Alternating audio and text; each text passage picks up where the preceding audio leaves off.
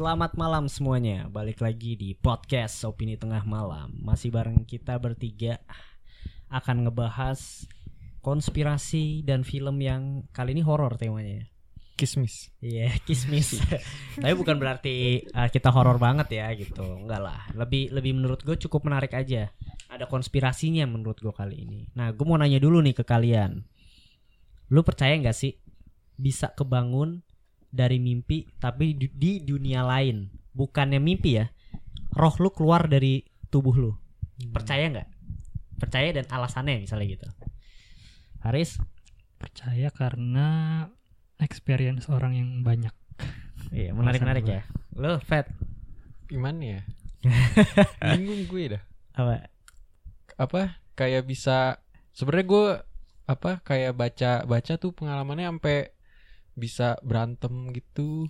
Gila, berantem sama siapa bos. sama jin iya. gila Kayak gue jadi oh ini benar apa enggak sih? ya kalau itu sih Tapi emang kalau baca gitu juga ini sih kayak ada yang percaya ada yang enggak Hmm. cuma dari sekian banyaknya experience pasti kan ada yang bener kan Hmm. salah satunya Hmm. Oke. Kalau gue pribadi cukup percaya gitu dan nanti intinya kita hari ini akan ngebahas astral projection gitu yang bisa keluar dari arwah kita ya dari tubuh kita. Hmm. ada yang nyelamatin orang dari koma. Gila itu menarik banget experience-nya. Jadi pakai kacamata konspirasinya tetap open minded balik lagi di podcast opini tengah malam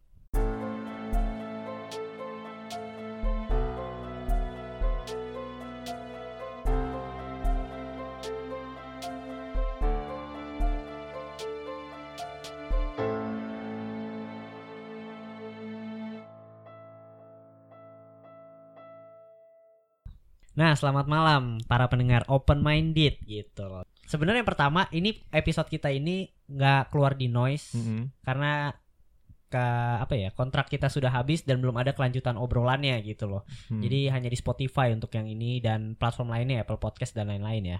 Gitu. Dan kita sebenarnya di noise itu cuma uh, partnership gitu. Kalau dibilang audio kita jelek ya ya orang cuma numpang. Kayak gitu sih. Jangan lupa lihat YouTube-nya Opini Tengah Malam. Biasanya kalau kalian mau lihat ada gambar-gambarnya gitu, ada kitanya juga. lebih informatif ya. Yes, lebih informatif tentunya. Di subscribe dan didengerin gitu loh. Kalau bosen ya dengerin aja, di diemin aja gitu. Terus juga di Cinecrip, jangan lupa ada kita juga di bahas Dark Series buat kalian yang nanya tentang Dark kemarin. Kalau nyari kaos konspirasi dan film itu ada Thanks Geeks is Friday. Kalian bisa kunjungin Instagramnya ya. Jangan lupa follow sosmed Opini Tengah Malam juga. Ternyata nih ya, Astral Projection itu ada filmnya cuy. Gitu. Menurut lu nih, lu tahu nggak filmnya apa? Gimik. Mikir ya, mikir. Insidious. Asik. Udah pasti itu. Gitu. Ada berapa Insidious sih kalau nggak salah? empat Empat ya. Iya iya. Iya. Tapi yang menarik tuh yang pertama ya.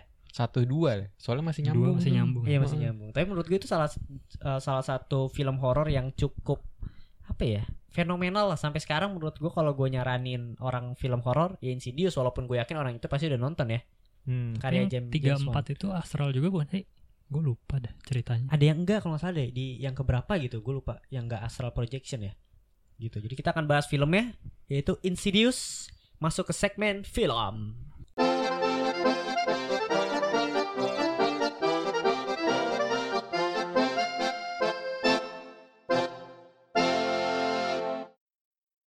Nah, sekarang kita ada di segmen film Insidious 2010 direktornya James Wan gitu. James Wan masih ngedirect Insidious ini ya. Gue lupa dia cabut tuh di Insidious berapa yang akhirnya cuma jadi produsernya doang.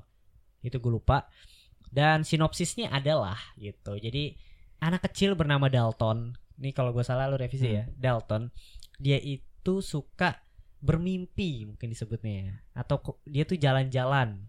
Dari Hmm. mimpi dia bisa ke mana aja, dia bisa ke masa lalu, dia bisa ke masa depan gitu.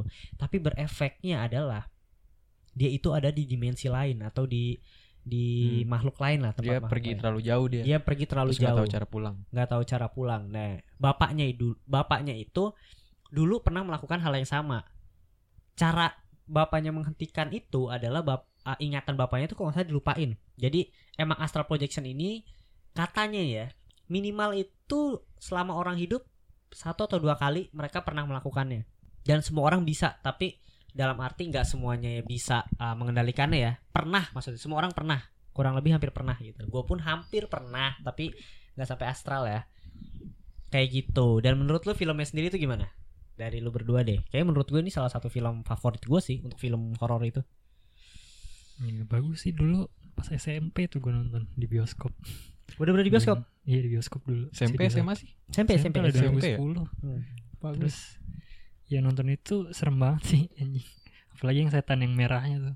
oh lu set, setan merah kalau Gua gue nenek nenek iya nenek nenek sumpah Gue yang setan merahnya. Yang Tan merah oh yang merangkak di dinding gitu. yang merah tuh mirip-mirip sama yang di Star Wars Iya. soalnya Riz. jadi oh gue gak gitu ya? takut lu iya kalau Tapi nenek tetep aja, serem anjing Kalau diangkat horor kan Darth Maul juga serem.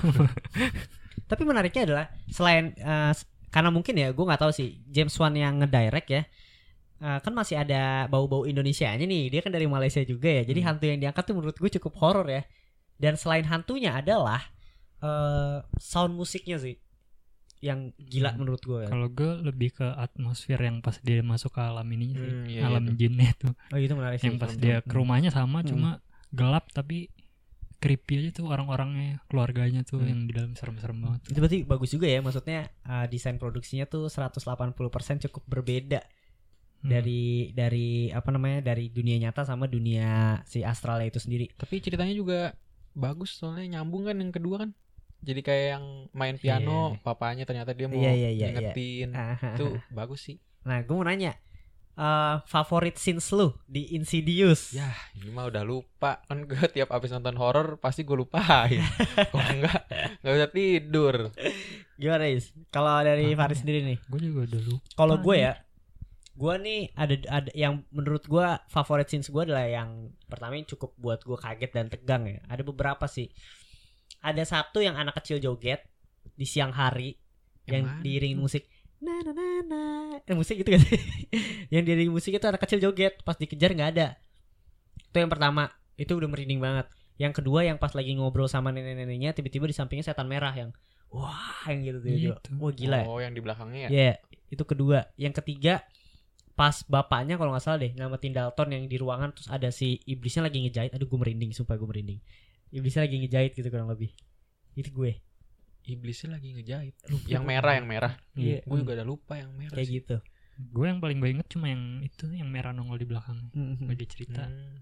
pokoknya si neneknya bilang ada setannya gitu ya terus Hmm. pas dia nanya setan yang mana pas dia gerak di sisi di belakangnya lagi ah serem deh. Waduh, gila. gue lebih ke neneknya sih ingatnya Tapi ya lu berarti favorit scenes adalah nenek kalau nggak salah yang terakhir dah yang Hmm. di ini ya yang abis yang di foto Heeh, kan gara-gara cekrek cekrek Iya, gitu iya. ya. taunya neneknya tuh Oh, gila sih. Itu itu menarik banget. itu badan soalnya gue belum bapaknya siap ya, itu gue belum belum siap tutup mata itu gue siap Kira udah habis ya. iya tapi sialan itu keren sih ternyata badan bapaknya belum balik kan Iya. diambil alih sama si nenek serem juga deh. Nah, eh dari filmnya sendiri nih menurut lu ya, kita salah satu penyuka horor lah bisa gue bilang ya. Walaupun kita takut sebenarnya. Iya, Bener suka aja sih? teriaknya gitu. Iya. suka. bisa bebas gitu. Eh, dari Insidious ini nih, menurut lu yang lu nggak suka tuh apa? Ada nggak? lupa nih tanya nih Tapi- ya gue lupa Kalau dari gue pribadi sih, kalau nonton horor ya, kalau gue pribadi nih, misalnya horor itu ratingnya juga kurang, tapi gue nonton itu gue ngerasa takut, menurut gue Hmm. bagus gitu. Karena Hmm. menurut gue tingkat tingkat kebagusan suatu horor itu dicapai kalau orang itu berhasil merasakan apa ya Nggak kehororannya. bisa tidur dah kalau nggak Iya. keingetan ya Yeah. nah itu juga tingkat kehororan setiap orang tuh beda-beda. Paham gak? Jadi menurut gua ya kayak gue pribadi suka horor dan mungkin aja yang orang bilang ah nih horor jelek nih dari segi ini nih tapi kalau menurut gua buat it, gua dibuat takut menurut gue cukup berhasil gitu. Tapi Insidious ini menurut gue sangat-sangat buat gue berhasil. Gue nonton Insidious tuh sendiri, inget banget gue di laptop pakai kaset. Waktu itu masih kaset bajakan ya, kayak gitu. Lu? gue di bioskop inget gue sih Ini masih gokil. TA Asik, gila TA TA. sponsorin sponsorin Taman Anggrek kayak gitu nah itu kurang lebih filmnya sih gue yakin kalian juga pasti udah nonton lah Insidious nggak mungkin Iya. belum nonton gitu jadi kita nggak perlu banyak lama-lama bahas filmnya tapi karena tapi sereman Insidious apa Conjuring lu Conjuring. Waduh, Conjuring. Conjuring satu. Conjuring berapa ya? Jun satu dah. Satu, iya. Conjuring satu. lah. Conjuring. Iya. Terus sih? Insidious tuh lebih ke apa ya? Supernatural. Apa sih? Pokoknya lebih lebih imajinatif gitu dari iya, iya. karakternya Oh. monster Mhm. gitu gitu. Kalau Conjuring tuh lebih kayak ke iblis. Tapi mungkin Conjuring ditambah yang bikin serem itu ada label based on true story nggak sih? Iya. Iya. Walaupun di endingnya ketawa ketawa malu ya Conjuring ya. Gue pengen yang edit ada ketawa malu Conjuring. Fat. Anjing. Takut gue. Kayak gitu ya. Oke, kita nggak perlu lama-lama bahas filmnya karena ini pengalaman Astral Projection itu sangat-sangat menarik banget dan gue yakin lu harus banget denger sampai habis gitu. Oke, kita masuk ke segmen konspirasi.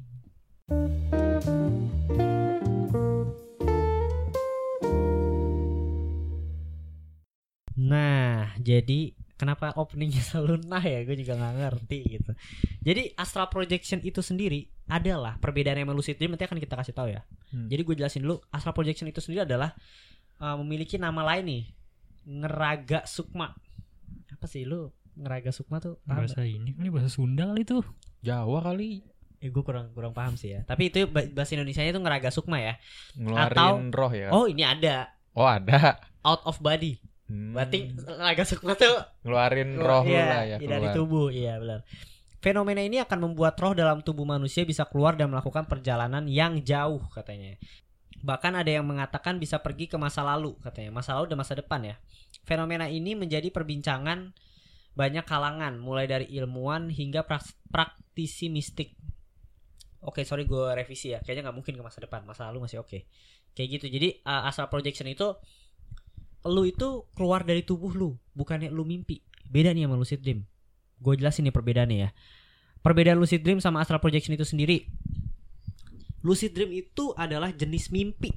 Oke lucid dream itu adalah jenis mimpi. Kalau astral projection itu adalah proyeksi astral yang kita sadarin. Lucid dream kita sadar itu mimpi tapi kalau seandainya astral kita itu ada di dimensi lain. Oke paham gak lo berdua? Kalau lo berdua paham pasti audiens paham nih. Ya Hmm. ini menurut gue ya cukup masuk akal. Nih pendapat gue pribadi kenapa cukup masuk akal? Karena uh, ini adalah memungkinkan bahwa dimensi lain itu ada. Mungkin yang Hmm. bisa kita bilang ya kalau interstellar dimensi kelima atau apa mungkin ya mungkin itu atau mungkin uh, dimensi lain yang tempatnya roh-roh dan jin-jin itu bertempat tinggal gitu. Oke? Menurut lu gimana? Lu uh, percaya nggak dengan dengan dimensi lain itu sendiri Eh, kalau pengertian gue tentang astral projection ini tuh jadi kayak gini nih. Jadi kita semua setiap tidur itu melakukan astral projection. Jadi roh kita tuh keluar, kalau lu tapi kita tidak mengingatnya pada saat kita bangun. Jadi sebenarnya roh kita tuh jalan-jalan muter-muter. itu gua tapi. Kita nggak nggak ingat pada saat kita balik. Hmm. Jadi kalau kita mau melakukan astral projection, ya kita pada saat roh kita keluar tuh kita sadar gitu, kita inget. Jadi pada saat kita balik ke tubuh kita yang sekarang, ya udah kita bisa tahu tadi Kalau tuh kita tidur- ke sini sini gitu. Kalau tidur kan badan kita gerak juga. Katanya sih Hmm. begitu. Hmm. Mungkin Terus itu misalnya- otak kali Riz yang yang gerakin. Oh, iya. Maksudnya kalau kita dibangunin orang gitu berarti yang lagi jalan-jalan langsung keserap gitu. Hmm. Gue Apanya? Misalnya kita dibangunin orang. Heeh. Jadi yang lagi jalan-jalan tuh kayak ketarik gitu kali ya. Mungkin. Ya, itu gua- yang pengertian yang gue ya dapet itu sih. lu dapet ya. Itu Yang juga itu yang juga di, gitu. yang juga dikasih tahu sama orang-orang tua zaman dulu yang kayak lu jangan ngagetin orang lagi tidur takutnya rohnya belum balik. Suka ada omongan kayak gitu Oh, kan. iya, iya. Tapi Oh ini nih, apa? jangan dicoret-coret ya gue mukanya. Tahu gak lu? Ntar rohnya bingung. Baliknya ke mana? Rohnya goblok banget anjing. Sumpah ya gue. Gue Enggak. bisa lihat dari kasurnya kasur dia. Ntar bingung. Kalau dari gue pribadi ya, uh, penjelasan astral projection itu sendiri yang gue tangkap nih, yang gue tangkap ya. Lu tuh kalau seandainya mimpi biasa, itu otak lu kalau misalnya lucid dream, lu mimpi itu ya lu istirahat roh tuh roh lu tetap di situ. Hmm. otak lu beristirahat. Tapi kalau astral projection roh lu keluar. Gitu. Nah gue kurang paham nih akan hal ini ya. Hmm. nggak kayaknya kalau seandainya setiap lu tidur roh lu keluar eh, cukup cukup aneh aja. Kalau gue pribadi ya kalau gue pribadi. Jadi eh, masuk lagi ke perbedaan lucid dream sama astral projection itu sendiri. Kalau lucid dream itu lu mimpi jenis mimpi yang tadi Hmm. gue bilang. Otak lu yang bekerja otak lu yang lu sadar di mimpi tapi itu lu masih roh lu masih di dalam cuma otak lu yang bekerja kalau astral projection itu lu udah benar-benar keluar dari tubuh lu gitu Terus lanjut lagi sifat pengalamannya juga beda. Lucid dream itu bukanlah pengalaman keluar tubuh katanya. Kalau si astral projection itu keluar tubuh jelas. Fungsinya lucid dream itu memungkinkan seseorang untuk menciptakan dunia dalam batas kesadaran dan sangat menjadi kreatif. Kalau astral projection itu proyeksi astral lebih seperti menjelajahi dunia yang tidak dikenal atau dunia yang sudah ada di sana gitu. Apa? Sorry. Menjelajahi dimensi lain atau dunia yang dunia lain. Paham nggak? Hmm. Kalau lucid dream tuh bener-bener lu di mimpi dan lu bisa ngatur misalnya kayak uh, Faris waktu itu lucid dream bisa terbang. Kayak gitu loh. Lu bisa ngatur misalnya lu mau lu bisa jadi Star Wars, itu lucid dream karena otak lu yang ngatur. Iya iya iya. Tapi kalau astral projection lu nggak bisa melakukan itu. Karena lu di dimensi lain. Dimensi lain. Lu cuma orang biasa gitu loh ibaratnya. Dan menurut gue ini sangat-sangat uh, make sense sih. Hmm, Kayak gitu ya. Dan apa kekuatan kita juga terbatas ya begitu ya. Kan Iya, kalau iya, di cuma bisa di jalan-jalan dream doang kan kali cuma Di- bisa jalan-jalan di doang. dream kan kita kan cuma ini doang ya apa apa kayak bunga tidur kan. Hmm. Kalau di dimensi lain berarti kekuatan kita ya segitu doang bisa jalan-jalan doang. iya Oh, Nah, oke. cuma bisa jalan-jalan doang. Itu cukup masuk akal ya menurut gue. Hmm, Dan hmm. astral projection itu lu mau tidur siang pun bisa lu lakukan ya. Tapi pas lu di dunia lain itu tetap gelap. Nanti ada ada pengalaman orang yang menurut gue cukup sangat sangat menarik banget ya gitu. Faris. ini selanjutnya ada astral projection ini bisa dilakukan semua orang atau tidak Nah, jadi banyak praktisi yang mengatakan jika astral projection ini adalah kegiatan yang spontan hmm. Hui. Nanti ada ya. siapin Jadi- ya tadi ya. jadi artinya tuh eh, nggak bisa dipelajari dengan baik Ya sih gue nyari di ini kayaknya nggak ada ini ya kalau lucid dream kan ada eh, apa apa sih lucid dreamer Mm-mm. kalau ini kayaknya nggak ada ya. Iya. iya. Kayaknya kalau ada pun yang bisa rata-rata tuh anak indigo. iya sih Heeh. iya sih kita kita gue belum nanya sih temen gue misalnya ada yang indigo gue pengen nanya sih lu bisa nggak sih astral projection Hmm. eh, dengan sengaja gitu jadi sekehendak lu gitu Kalau Belum ini nanya sih gue gue sih ada ada di, di YouTube ada orang yang tapi kalau ini kan teman sendiri ya mungkin Hmm. akan lebih kredibel ya tapi menurut gue yang gue lihat di YouTube juga kredibel sih dia bisa melakukan itu kalau dia mau menarik banget nanti gue ceritain deh Hmm. lanjut orang yang kebetulan bisa melakukannya kemungkinan adalah orang-orang yang dianggap beruntung hmm. Mereka bisa melakukan perjalanan jauh, bahkan ada yang mengaku pergi ke masa lalu dan lapisan langit tertinggi. Gila ya. Bagaikan langit. Jadi pengen goyang. menurut lu lu lebih percaya yang mana bisa dilatih atau enggak semua orang eh cuma lu hoki aja Menurut gua bisa dilatih sih dengan cara yang rumit itu. Mungkin kalau orang yang istimewa gitu kemungkinannya lebih cepat kali gitu. Hmm. Tapi kalau semua orang bisa sih ngelakuin astral Harusnya projection. Iya, Oke. tapi dilatih bener. lanjut lu Fet baca nih Fet ada apa sih di dunia astral Asik. Aduh, udah pasti tahu dah ya. tapi gua panjang-panjangin aja nih. Ah, Jadi itu di dunia astral saat kita melakukan astral projection itu, jadi ketika roh kita keluar, kenapa nih kok mati? Kok gelap sih? lampunya lampunya Oh, jadi kaget. nggak apa-apa lanjut. Lupa gue kasih timer. Iya. Lagi gue lagi. jadi takut. jadi jangan-jangan kita di dunia astral nih gitu kan Ya, jadi ketika roh kita keluar tuh artinya kan kita udah masuk ke Hmm. dimensi lain. Jadi Hmm. di situ udah pasti kita bergabung dengan kumpulan jin, Hmm. mantap, Katanya ya. setan, iya asik. jin mantap setan Dem- asik ya terus dengan siluman-siluman dan makhluk-makhluk menyeramkan lainnya. Jadi begitu. ya itu kurang lebih penjelasannya lah tapi eh, itu dalam arti gini ya gue ini ada sedikit eh, mungkin pemahamannya ya itu tuh emang mereka yang tinggal di dunia itu ya ya emang tinggal di dunia itu gitu loh. Dan maksudnya paham gak sih kalau misalnya kita meninggal? Hmm. kalau kita emang udah meninggal kita nggak bakal di dunia astral projection gitu loh. Tapi kalau misalnya waktunya kita belum meninggal nah misalnya nih lu lu tanpa sengaja ke dunia astral dan lu nggak tahu cara balik. Nah itu tuh lu koma Fat lu koma. Hmm. tapi nanti gue ada cerita pengalaman nih. Lu koma dokter tuh me- kayak ini nggak ada nggak kenapa-napa tapi gue nggak tahu nih orang kenapa nah itu tuh berkemungkinan aja lu kejebak dunia astral gitu loh Kalau kita pingsan, oh gue nggak tahu kalau kita pingsan kalau kita pingsan mah pingsan mah kayaknya nggak astral deh Nggak tahu sih. Tapi katanya ada yang bilang gitu juga karena emang belum ini sih. belum- sulit lah juga Iya, ya. karena kan otak ya, otak susah susah Hmm. diiniin kan. Hmm. Karena setahu gue juga orang yang near death experience itu juga mengalami itu katanya. Orang mati suri itu loh. Hmm. Katanya sempat mengalami kayak gitu juga.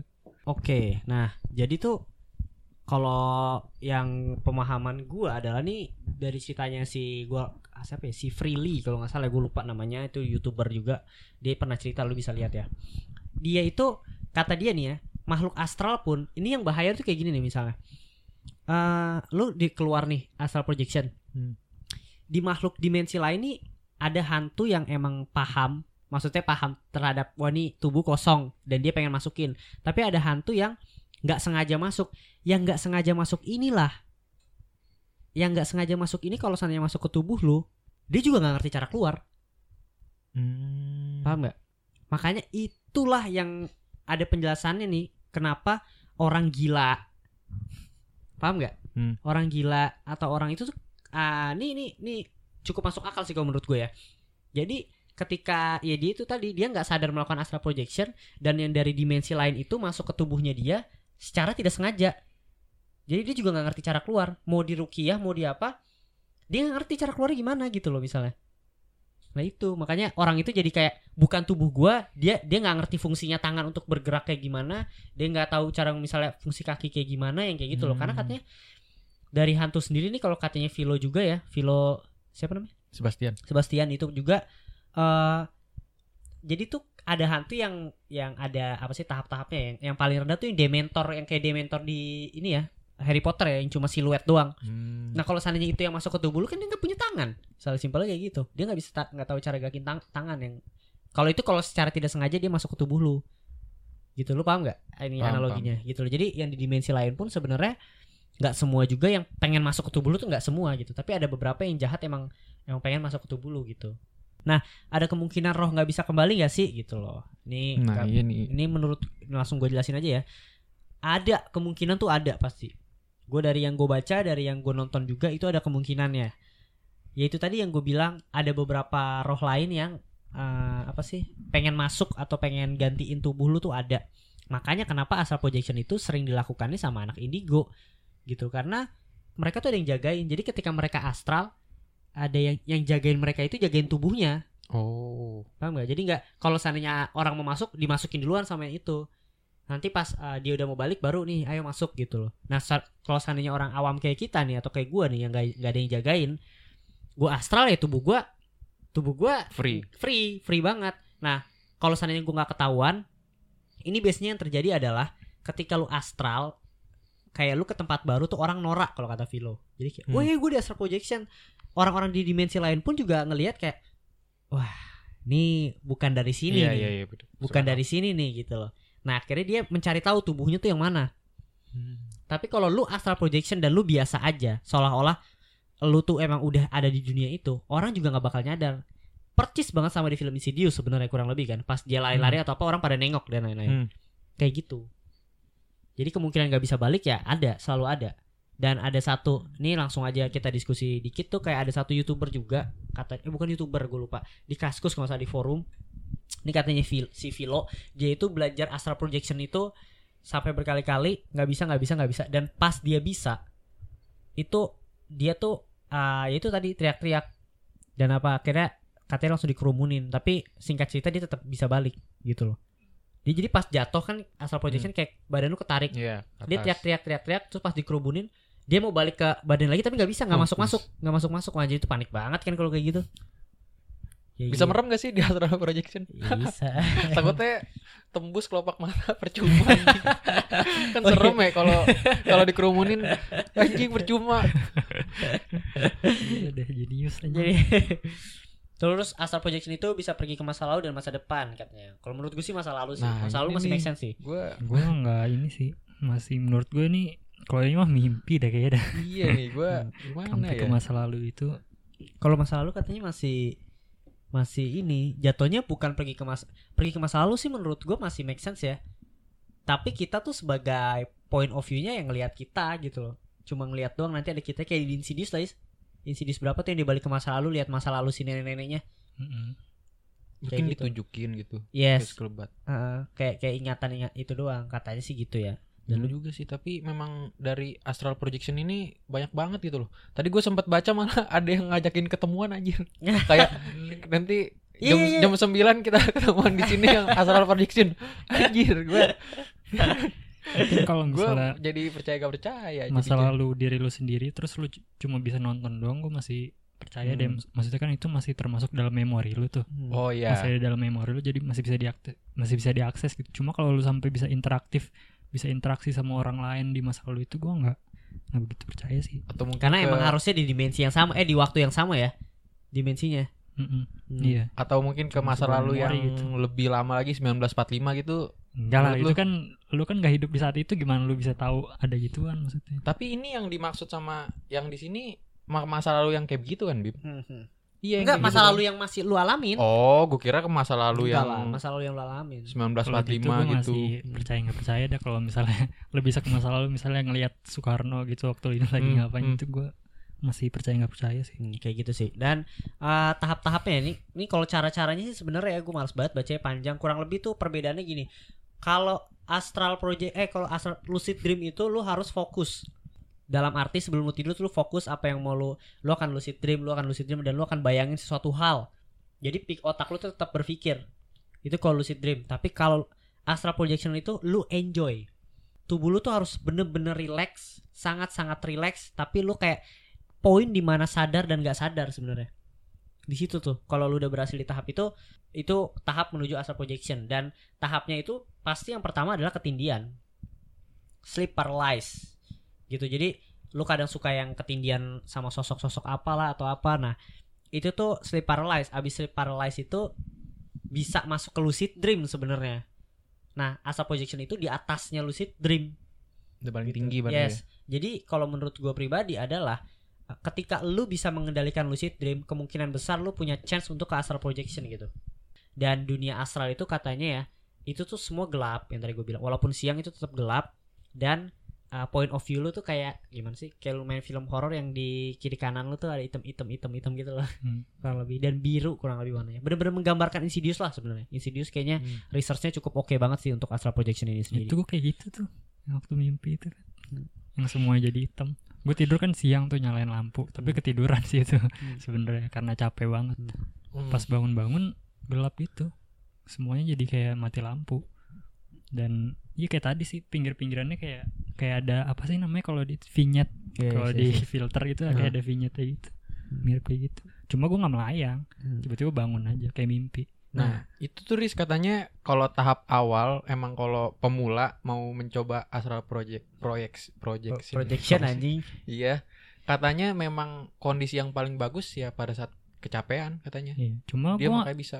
kalau astral projection kan se yang gue dapet dia harusnya melayang dari tubuh dan ngeliat tubuhnya sendiri kan Hmm. itu gue enggak gue cuma tiduran aja melayang dikit tapi kali. tapi gini kalau seandainya uh, lu sendiri misalnya bangun kan gak mesti lu lihat tubuh gitu loh paham Hmm. nggak kayak lu nggak sadar sebenarnya lu pikir lu mimpi tapi kalau lu nengok belakang Cuma tuh kan lu lihat tubuh sendiri gitu. melayang kan Hah? harusnya ngerasa melayang kan gue nggak merasa cuma tiba-tiba bangun aja oh iya iya ah. Iya sih.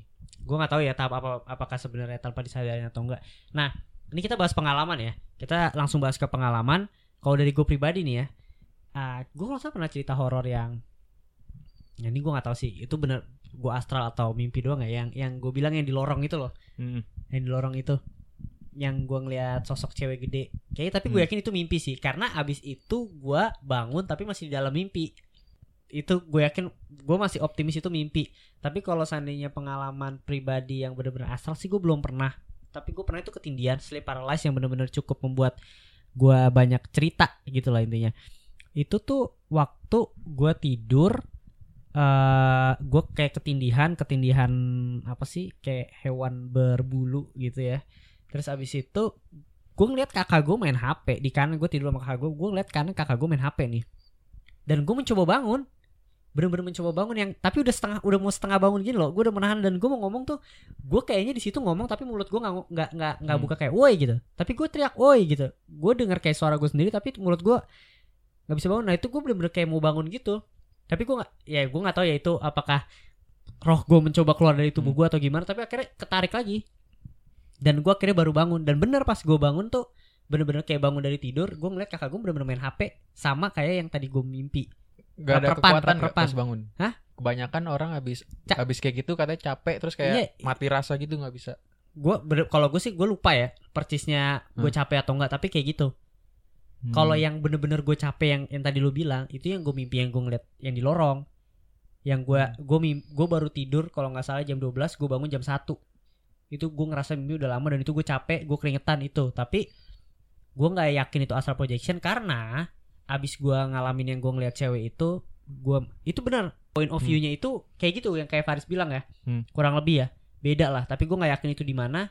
Dan pas gue bangun itu tapi gue masih di mimpi lagi. Itu yang buat gue ngerasa itu bukan astral projection Tapi bisa aja itu lu energi lu di diserap sih sama si cewek itu. Anjay.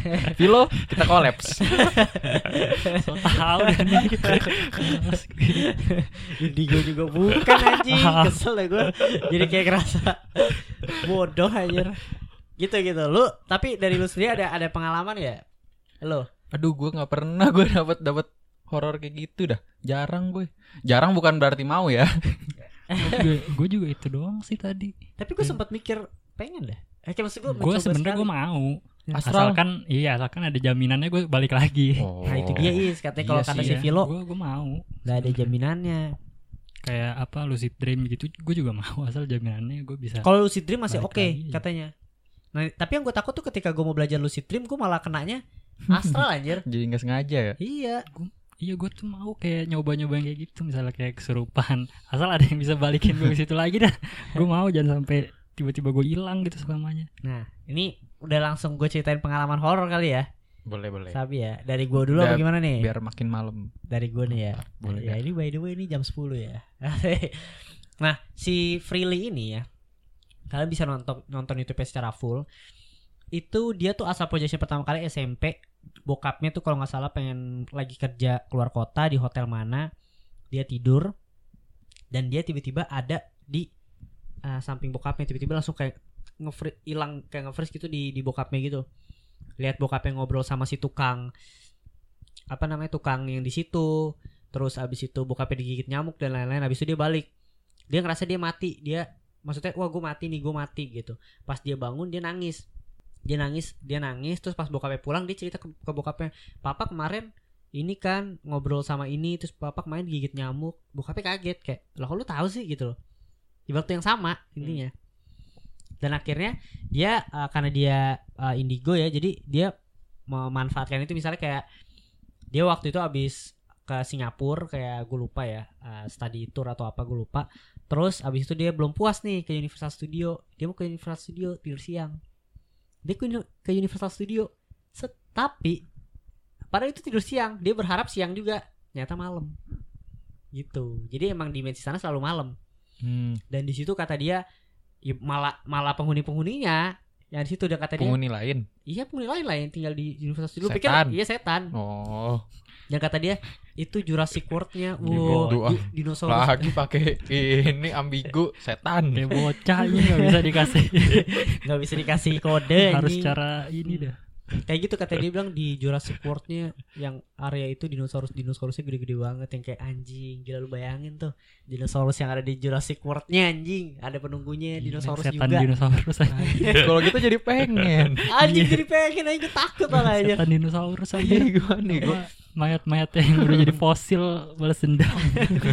Udah dijadiin patung Nah kayak gitu kata dia. Terus di ada pertanyaan yang kayak muncul kenapa lu nggak keluar negeri aja ke Jepang ke Eropa atau apa hal yang belum pernah lu coba? Kata dia Hmm. gue nggak berani. Sama aja lu kayak traveling sebenarnya. Kalau lu nggak tahu jalan baliknya gimana? Simpelnya gitu loh. Oh, oke. Kakak. masuk akal kan? Yang kayak gitu. Nah terus dia bilang ini percaya nggak percaya ya? Jadi eh, temen nyokapnya ini gue kalau salah revisi mohon maaf really. Gitu. lu bisa nonton YouTube-nya aja. Jadi katanya temen nyokapnya itu punya anak anaknya itu koma ya tadi gue bilang. Udah diperiksa sama dokter nggak kenapa-napa semua sehat kata gitu. Dan si Freely itu ngomong kayak "Ah, ya udah aku bantu ya gitu. Dia melakukan astral projection. Karena si Freely ngeliat Mm-mm. anaknya tidur tuh lagi ditindin sama cewek diginiin Buset. badannya, gila. Akhirnya dia melakukan astral projection Atut. Akhirnya dia melakukan astral projection. Mm. pas dia melakukan astral projection ketemu tuh anak. Anak anaknya katanya anaknya tuh kayak dia bilang "Eh, gue udah nyaman di sini katanya. Gue juga nggak nggak kenapa-napa kok nggak tempat kamu bukan di sini kayak orang aduh merinding banget gue tuh anak nggak tahu kalau dia di dimensi lain. Kayak dia juga gak nyadar deh kalau dia asal projection atau dia mimpi atau gimana ya. Udah kamu ikut aku tempat kamu Hmm. bukan di sini tempat kamu bukan di sini dituntun sama si itunya si Freddy-nya terus dibalikin lagi. Habis itu didoain didoain doain doain bangun tuh anak. Gila percaya nggak percaya kan sebenarnya? Hmm. jadi itu itu poinnya adalah anak itu eh, belum waktunya untuk meninggal. Masuk akal nggak sih sebenarnya? Ibaratnya Mhm. takdir meninggal lu emang udah ditentuin ya tapi itu belum waktunya lu meninggal. Jadi ya kenapa kalau seandainya si Frilly bisa nyelamatin kenapa enggak gitu loh? Gimana tanggapan lu? Apa lo punya pengalaman lain yang mengejutkan? Pengalaman orang nih gue yang dari Iya. kaskus nih tadi. Gimana? Jadi ini ada seorang kaskuser agan mantap. Agan. Dia sudah udah kayak sih udah berpengalaman deh di Hmm. Uh, supranatural gitu Hmm. astral projection. Namanya kalau nggak salah 8 case of death deh kalau nggak Yes, salah. iya, iya, iya. gitu. Jadi dia punya pengalaman dia menceritakan pengalamannya astral projection ke bulan. Wah ya menarik nih. Jadi bukan ke negara lain. jadi gue ceritain nih ya yang kronologinya. Eh. cuma ntar gue lupa lupa inget dah. Mungkin kalau di YouTube bisa kasih link gak bisa bisa. Bisa ya ntar kasih aja dah. Hmm. jadi ceritanya tuh seperti biasa dia dari kantor pulang terus dia sudah menyiapkan gambar-gambar bulan terus Mhm. artikel-artikel tentang bulan tuh eh, dia sudah siapkan terus akhirnya dia sampai rumah dia dia udah beristri dia bercengkerama sama istri sama anaknya mungkin terus Giliran gini baru bahasanya berat. Bercengkrama, Tadi dibilang. Ada sesuatu setan. Baru bercengkrama. terus dia makan terus udah tuh dia baca-baca dulu artikel bulannya terus eh, Hmm. memvisualisasikan bulannya terus dia tiduran terus melakukan astral gitu. Hmm. dia udah lumayan sering kayaknya deh. Jadi pokoknya dia proses-prosesnya setelah dia bisa melakukan astral udah tahu-tahu dia katanya seret ke bulan katanya.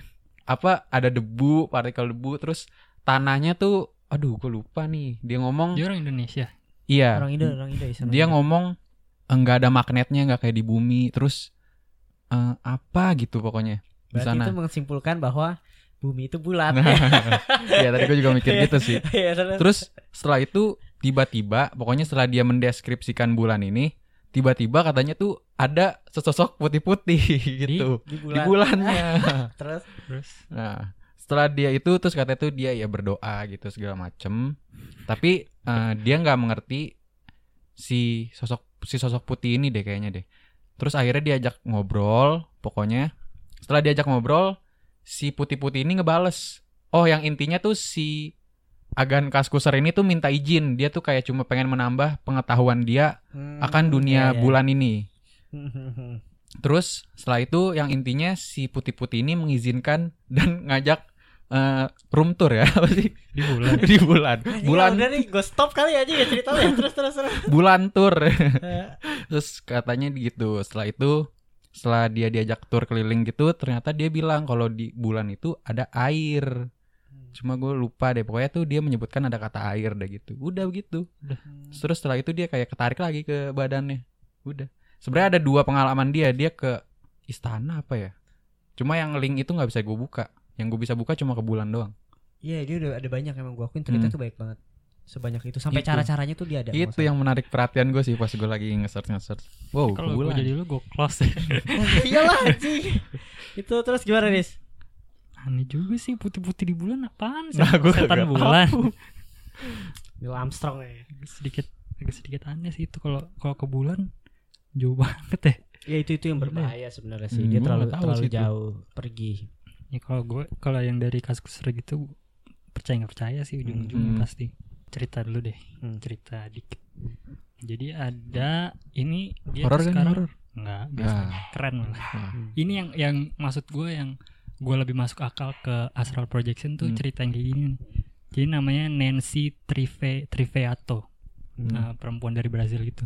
Dia ngalamin astral projection pas dia masih kecil gitu katanya. Hmm. Dia tidur di rumahnya sendirian. Om tante om tantenya itu pergi ke kota daerah kota Sao Paulo gitu. Nah, dia tinggal di rumah tidur. Tiba-tiba dia bangun di kota Sao Paulo nih. Terus ngelihat ada om sama tantenya. Dia lagi di ruangan putih bersih gitu, terus banyak peralatan medis gitu di pinggir-pinggir omnya katanya omnya lagi tiduran di kasur. Terus dikira dia kan mimpi tuh. pas tantenya pulang dia cerita katanya tadi katanya aku ngeliat om di di di kasur gitu terus ada peralatan medis gitu di samping-sampingnya katanya. Terus tan- tantenya langsung ngalihin pembicaraan gitu loh. Akhirnya pas besoknya si cewek ini denger si tantenya ngomong ke ibunya katanya "Eh, si Nancy bilang kalau ngeliat si omnya tuh lagi di eh, rumah sakit gitu lah. Hmm. gimana caranya? kata tante gitu. Padahal gua nggak cerita ke lu nggak cerita ke siapa-siapa kalau si suami gue ini abis operasi operasi kantung kemih kalau nggak salah karena gua nggak mau kalian khawatir gitu katanya Ini itu bisa bisa ngeliat kayak gitu itu yang gua Hmm. gua Berarti Hmm. sama dong Hmm. kayak si Freely yang gue ceritain Iya tadi. maksudnya kan kalau itu kan dia bener-bener ada ada orang yang bisa kita klarifikasi juga dan Hmm. mengatakan hal yang sama gitu kan. Kalau bulan kan dia kan dia sendiri doang tuh, nggak ada orang kedua yang yang mengalami itu gitu. Hmm. Itu sih akhirnya dia nih dedikasikan dirinya tuh jadi peneliti ke conscious gitu ke alam bawah sadar Oh. itu. Ada dia emang tertarik sama hal kayak gini. Hmm. Jadi penulis, jadi peneliti gitulah. Jadi tadi gue baca dari sehatq.com. Sehat Asik. Q. Sehat Q. Jadi katanya itu pemicu out of body experience kalau bahasa medisnya sih kayaknya sih kayak gitu sih Hmm. out of body experience. Yang pertama ada trauma katanya Hmm. dari lu punya kejadian yang membekas atau mungkin dari stres juga bisa. Hmm. Terus yang kedua ada kondisi medis katanya Hmm. kalau lagi sakit, lagi daya tahan tubuh lemah tuh kemungkinan bakal bisa uh, mencapai astral projection katanya. Hmm. Uh, depresi, epilepsi, terus ada kecapean juga katanya bisa Oke. sama uh, bahkan dari sleep paralysis tuh lu bisa ujungnya ke astral projection kayak tadi kan. Oke. Terus ketiga ada pengaruh dari obat-obatan Hmm. uh, dari obat bius atau kayak narkoba gitu dari uh, ganja, LSD gitu. Tapi ini kan ini tuh sebenarnya masih teori sih jatuhnya. Hmm. Soalnya kan nggak bisa dibuktikan Hmm. secara sains juga kan. Udah emang sampai sekarang tuh masih ambigu gitu loh.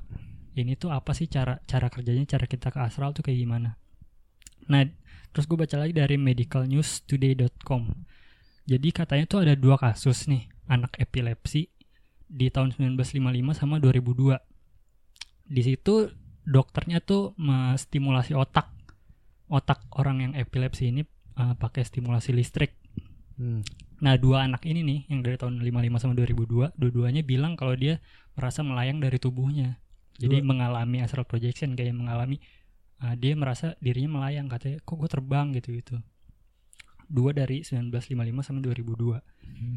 Nah, ini menurut gua sih hasil membaca ini tuh maksud gua apakah yang epilepsi itu kan pasti otaknya beda kan sama kita kan? Iya iya iya. apakah harus ada salah satu tempat di otak yang harus diaktifin gitu untuk biar roh kita keluar dari otak kita ngerti gak jadi gue pernah baca kan lu pasti yang eh, otak kit- manusia cuma bisa dipakai 5% Iya iya iya. sisanya kita masih belum bisa apakah mungkin anak-anak yang epilepsi ini sebenarnya tuh persenannya lebih gede Daripada kita. iya Nah, iya iya ngerti. atau anak-anak indigo misalnya ya indigo tuh sebenarnya otaknya tuh lebih bisa di persennya bisa di dipakai lebih gede lah mereka misalnya kita cuma 5% anak indigo tuh bisa pakai 20% Hmm.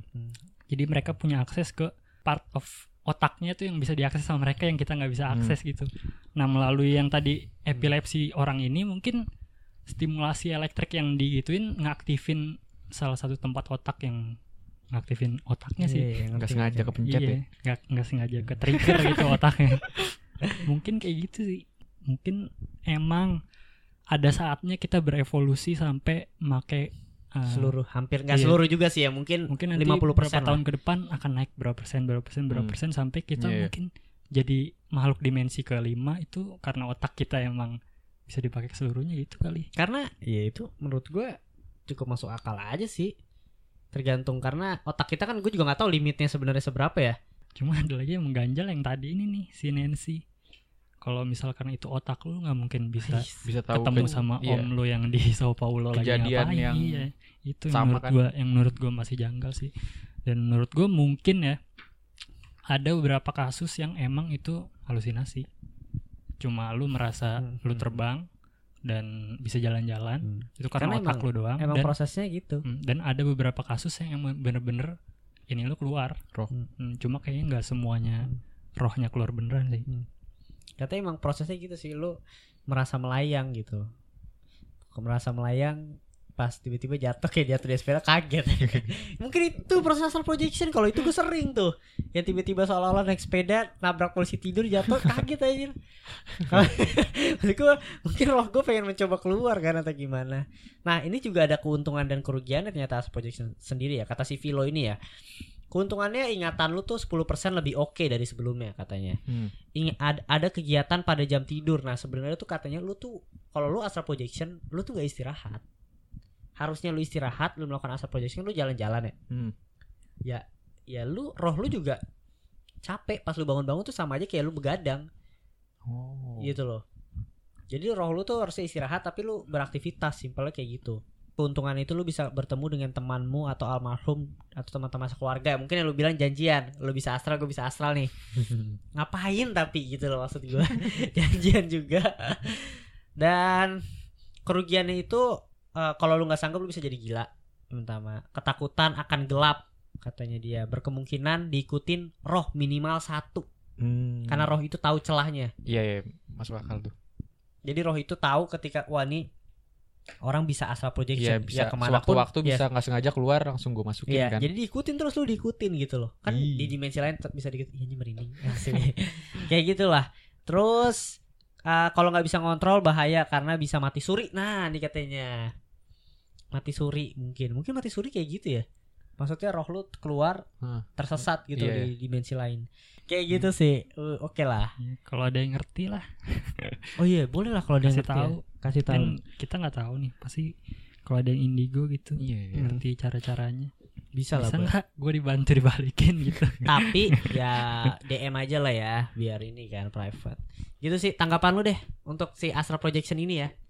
Kayak gimana lu percaya atau enggak sih? Gue balik lagi lah. Karena ini pengalaman supranatural ya kemungkinan bisa terjadi atas si jin Tuhan. Asik. Karena emak gue nonton ya. Bener, Cuma, cuma. Tapi udah nyampe di menit segini kayaknya nggak bakal nonton, Mbak. Gimana Is? kalau gue sebenarnya masih iya sih masih 50-50 maksudnya suatu saat nanti pasti kita bakal tahu sih ini Hmm. tuh apa di masa depan kalau kita udah punya alatnya untuk mengakses isi otak kita pasti kita bakal tahu sih Iya, cuma saat emang- ini Hmm. Masih percaya nggak percaya sih apalagi gue kan skeptis kan orangnya Hmm. masih harus dengan hal-hal begini ya, iya, supernatural. apalagi yang mistis gitu kan masih masih harus diyakinkan dengan sangat Dan mungkin mungkin yang bisa buat Faris percaya ketika kita punya teman indigo, kita suruh di astral projection, kita suruh lihat Iya, teman kita lagi ngapain gitu. Kalau enggak Kesurupan. guanya gua harus harus ngerasain itu sendiri Hmm. asal bisa Iya. dibalikin Atau dibimbing lah misalnya mau ya. hmm, iya bisa lah Kayak gitulah. Karena gue pengen sih sebenarnya kayak kesurupan gitu kan pasti kan punya pandangan baru kan Cita-cita lu ya kesurupan iya cita-cita aku adalah Oh. kesurupan yes ya. Wishlist anjir semua hidup. pasti kan nongol sudut pandang baru Iya. itu gue pengen sih Tapi menurut gue ya pribadi eh, apa ya? Ini kita sebenarnya dari dimensi lain lagi nontonin podcast kita pakai. Ih, lu mau ke Nah. gue, Bro, Bro, Bro. Kayak gitu sih kalau dari tadi tanggapan Faris, gua dan Fedrian tentang astral projection itu sendiri, percaya atau nggak percaya? Kalau gue percaya. Ya, satu kata. Tapi kalau bener tadi kalau ada narasumber boleh ya bagi-bagi Boleh banget. Kita gitu? bisa jadiin part 2 ya kalau seandainya emang ada narasumber ya kita Hmm, hmm. kita undang ke opini tengah malam untuk sharing astral projectionnya mereka. kalau besok gue gila berarti lo tahu ya malam ini gue bisa ngapain Astral ya. tapi kemarin gue habis mimpi serem Mantap. kemarin bener-bener kemarin ada orang berdiri di kasur gue di sini kan kasur. Kelihatan gak sih? Jendela jendela di Belakang gue sih lagi. Ah, iya iya. Ah, jadi ada orang lagi berdiri di kasur gue ngeliat ke jendela luar. Sini. Idih, ngerti gak belakang gue dong nih. iya. Iya. jadi jendela kan kelihatan tuh Ah. kayaknya. Dia lagi ngeliat keluar situ. Hmm. cuma gue tiduran di kasur aja. Cuma kayak gue gue tendang-tendang deh. Coba. kayak gue gue nggak tahu di mimpi gue kayak setengah sadar gitu. Cuma gue berusaha nendang-nendang Hmm, ini orangnya orang apa bukan orangnya gitu. gini. tapi dia nggak gerak nangis aja tapi kayak dia nggak gerak gitu sih Ah. kayak kayak kayak mirip manekin gitu loh lama Hmm. gitu habis itu bangun ah, mimpi doang gue kira beneran gitu Ya, Tapi kalau mimpi masih di tempat yang sama kam iya Iya. serem anjir. gitu mimpinya tuh bener-bener gue bangun lagi tidur di situ Tapi memang keluarga lu ada yang satu ini kan Riz maksudnya istimewa kan. Makanya mungkin lu dikit ya lu. Tapi atau mungkin pernah. karena atau mungkin karena Faris skeptis Iya. Paham gak sih? Dia mencoba mencoba. Nih gue udah nunjukin berkali-kali nih. Gue nggak bisa sampai full banget karena ilmu gue mungkin belum nyampe sana gitu. gue udah udah nonton horor malam-malam udah rantang ya? Ada. Udah rantang ya Goris. udah main Charlie Charlie ya Kita main Charlie Charlie. Udah sampai direndahin tuh. Suruh dateng. lu ya itu ya Anjir gitu sih pengalaman astral projection ya mungkin ini menarik banget. Kenapa kalau tema horor tuh selalu asik banget ya? Mungkin kita akan bisa bahas-bahas tema horor lainnya ya yang yang mungkin relate ada konspirasinya atau apa. Karena menurut gua hal spiritual itu masuk ke ranah konspirasi sih. Ranah yang belum kita bisa prediksi benar atau enggaknya gitu loh. Tidak bisa dibuktikan. Yes, bener banget. Buktikannya hanya segelintir orang yang bisa Hmm. melakukan itu. Jadi percaya atau nggak percaya aja. Kayak gitu. Ada yang mau disampaikan lagi sebelum gue tutup? Tidak ada. Tidak ada. Oke. Kalau gitu Astral Projection sampai sini saja dan kalau mau nonton filmnya itu ada Insidious, Insidious 1 2, gue lupa 3 atau keempat yang bukan Astral Projection ya. Dan tetap dengerin terus podcast Opini Tengah Malam. Sampai ketemu di episode berikutnya. Bye.